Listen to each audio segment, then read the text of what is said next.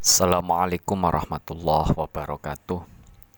Ala hadiniyah wa ala kulli niyatin sholihah ila hadratin nabiyil mustafa sayyidina Muhammadin sallallahu alaihi wasallam wa ila hadrati abaihi wa ummahati wa dzurriyyatihi wa ikhwanihi minan nabiyyin wa syuhada wa sholihin wal awliya aina makanu mimma syarqil ardi ila khusun Syekh Abdul Qadir Al-Jilani wa Syekh Hasan Asyadili wa Syekh Zakaria An-Nawawi jamil masyayikhina wa muallimina wa asadina wa abaina wa ummahatina wa nakhusu khosatan ila hadrati syekhuna Khalil Bangkalan Syekh Asyari Syekh wa Wasulullah Syekh Kan Syekh Marzuki Talan Syekh Murus Ala Syekh Marzuki wa Al-Fatihah A'udzu billahi minasyaitonir rajim. Bismillahirrahmanirrahim. Alhamdulillahirabbil alamin.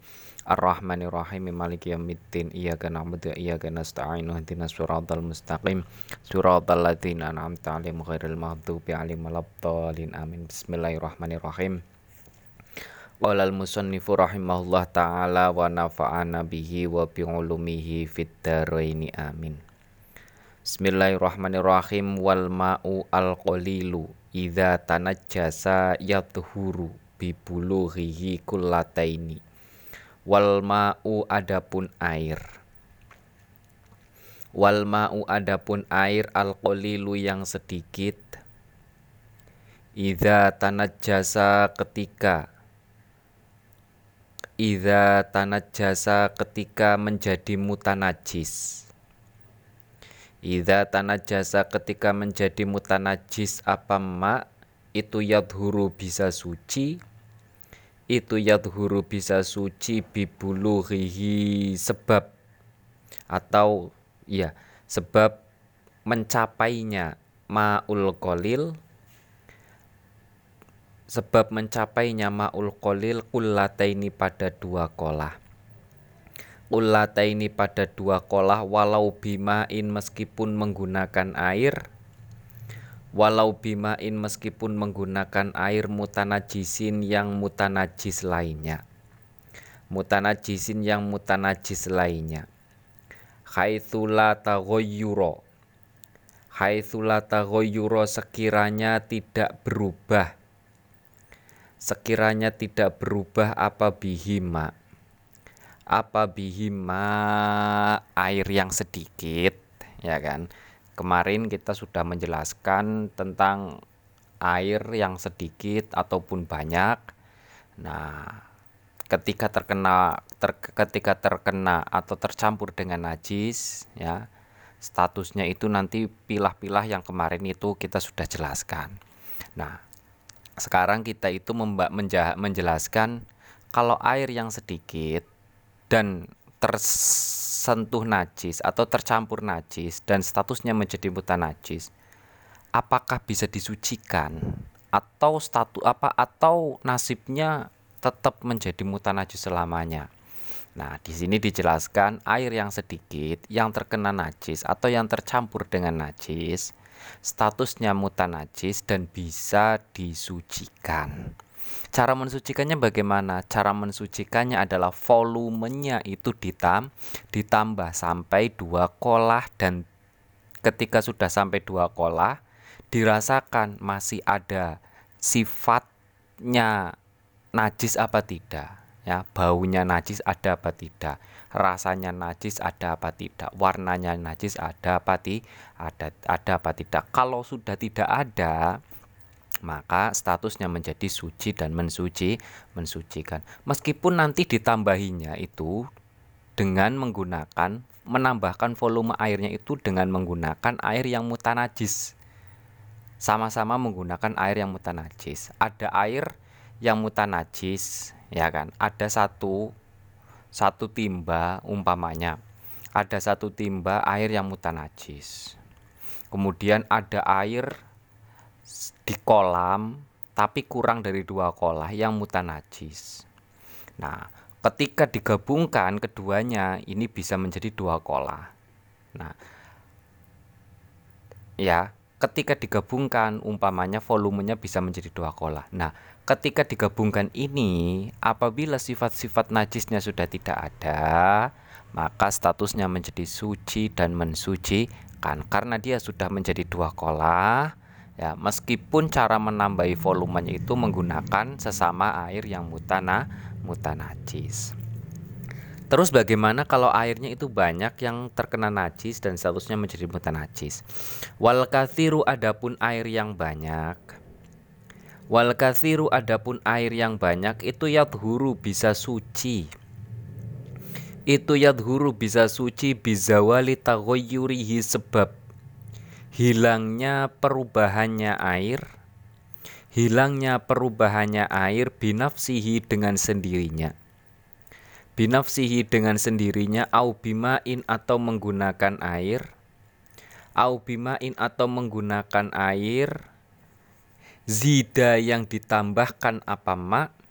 Zida yang ditambahkan apa ma alaihi pada al kathir alaihi pada al kathir au nukiso atau dikurangi au nukiso atau dikurangi apa anhu al kathir Wakana dan ada apa albaki air sisanya itu kathiron masih banyak. Itu kathiron masih banyak. Sementara kalau status airnya adalah air yang banyak, air yang dua kolah atau lebih, cara mensucikannya apabila air tersebut menjadi mutanajis itu adalah satu. Air tersebut bisa menjadi suci apabila sifatnya itu sifat najisnya itu hilang dengan sendiri sendirinya. Ada air satu kolam dua kol apa satu kolam volumenya dua kola. Terkena najis dan statusnya menjadi mutana mutanajis didiamkan selama satu minggu sampai sifat najisnya hilang nah maka ketika sifat najisnya hilang, airnya secara dengan sendirinya menjadi air suci dan mensuci, mensucikan. Atau cara selanjutnya itu adalah dengan ditambahi volumenya. Ya, sama dengan air yang sedikit yang kurang dari dua kola. Sampai sifat najisnya itu hi, hilang. Yang ketiga dikurangi, volumenya dikurangi. Sampai sifat najisnya itu hilang. Dengan catatan sisanya dalam artian kalau dikurangi nah sisanya itu masih masih sebanyak dua kola. Ada air dua kola setengah. Nah yang diambil itu cuma setengahnya. Berarti kan sisanya itu masih dua kok dua kola ya kan Nah, ketika dikurangi kok masih kok di, ketika dikurangi kok sifat sifat najisnya hilang, maka statusnya menjadi suci dan mensuci, mensucikan. Itu cara mensucikan air yang terkena na, najis, ya. Wasani wasaniha adapun syarat yang kedua. Nah, syarat bersuci, syarat wudhu yang kedua itu jariyumain mengalirkan air ala udwin pada anggota. Ala udwin pada anggota maghsulin yang dibasuh. Maghsulin yang dibasuh falayak maka tidak cukup. Apa ayamusa? Apa ayamusa mengenai? Apa ayamusa mengenai hu pada al udwu apa al ma'u air bila jaryin, bila jaryanin, bila jaroyanin dengan tanpa mengalirkan. Li'annahu karena sesungguhnya layak fi ayyamustahu alma bila jaroyanin itu layu sama tidak dinamakan ghoslan pada ghoslun atau membasuh. Syarat yang selanjutnya, syarat wudhu selanjutnya, syarat pertama kan airnya suci dan mensucikan. Syarat yang kedua itu adalah airnya harus dialirkan ketika membasuh anggota wudhu. Kecuali yang syarat apa yang tidak disyaratkan harus membasuh tapi mengu, mengusap. Ada satu yaitu kepal kepala. Selain kepala itu harus membasuh ya antara membasuh dan mengusap itu berbeda. Nah, selain kepala itu harus membasuh. Kalau membasuh berarti bagaimana? Kalau membasuh itu berarti airnya harus menga mengalir ya. Airnya harus dialirkan kepada anggota anggota wudhu. Ketika kita membasuh tangan tidak cukup telapak tangan kita itu dibasahi kemudian ditempelkan ke ke, tang, ke tangan ketika membasuh ta, tangan atau tangan kita cuma dibasahi kemudian mm, ditempelkan tang, tangan yang basah itu ya namanya telapak tangan yang basah ditempelkan kepada kaki ketika membasuh kaki. Itu tidak cukup. Harus ketika tangan membasuh tangan airnya itu mengalir di anggota ta tangan. Ketika membasuh wajah air harus mengalir di anggota wa wajah. Berarti diciduk air itu kemudian dialirkan kepada anggota yang mau diba dibasuh. Kecuali kepala. Kalau kepala itu tidak harus dibasuh tapi mengus mengusap. Kalau mengusap itu berarti cukup tangan kita ya, telapak tangan kita dibasahi kemudian ditempelkan ke ditempelkan ke kepala. Itu. Itu perbedaan antara membasuh dan mengusap ya. Wasalithuha adapun yang ketiga itu alayakuna hendaknya tidak ada. Itu alayakuna hendaknya tidak ada alaihi pada anggota yang dibasuh alaihi pada anggota yang dibasuh ay alal udwi yakni anggota yang dibasuh apa mughayyirun sesuatu yang bisa merubah apa mughayyirun sesuatu yang bisa merubah lil ma'i pada air taghayyuron dengan perubahan doron yang membahayakan. Kaza'farona seperti minyak za'faron kaza'farona seperti minyak za'faron wa mandalin dan eh, minyak wangi cendana.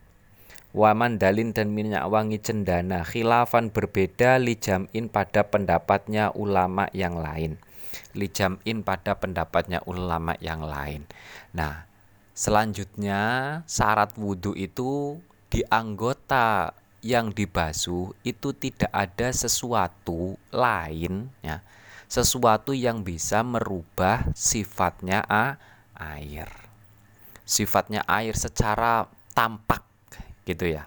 Secara tampak, secara domin dominan. Contohnya apa? Contohnya adalah seperti minyak za'faron atau seperti minyak cendana ya. Tangan kita ketika penuh apa ketika sudah diolesi dengan minyak, air ketika mengenai tangan kita ya kan otomatis airnya bau mi minyak. Ini yang dimaksud dengan taghayyuron doron.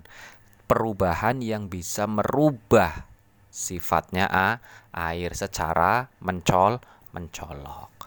Kalau perubahannya tidak mencolok ya, perubahannya tidak mencolok ya nggak masalah. Nah, ini kalau perubahannya yang mencolok itu bisa membah apa? Bisa me membata apa tidak bisa menyebabkan wudhu kita tidak bah, batal. Berarti dipastikan tangan kita, anggota yang mau kita bahu, basuh itu dipastikan harus steril dari sesuatu yang bisa merubah sifatnya a, air. Nah, namun pendapat ini ya kan, ad, namun ada sebagian ulama yang mengatakan nggak masalah. Ya, ulama yang mengatakan nggak masalah dalam artian apa? Ketika anggota badan kita itu apa anggota badan itu ada sesuatu yang bisa merubah air, ya nggak masalah selama air itu mengal dialirkan. Ya, itu. Nah, ini menurut sebagian ulama, tapi menurut pendapat yang dipilih oleh Syekh Al-Malaibari, beliau justru lebih condong kepada pendapat yang mengatakan anggota yang mau dibasuh itu harus steril dari sesuatu yang bisa merubah sifatnya a, air. Itu ya. Mungkin cukup sekian nanti kita akan lanjutkan dalam sesi selanjutnya. Semoga apa yang kita pelajari bisa bermanfaat. Alhamdulillahirabbil alamin Allahumma inna nastaudiuka ma 'allamtana.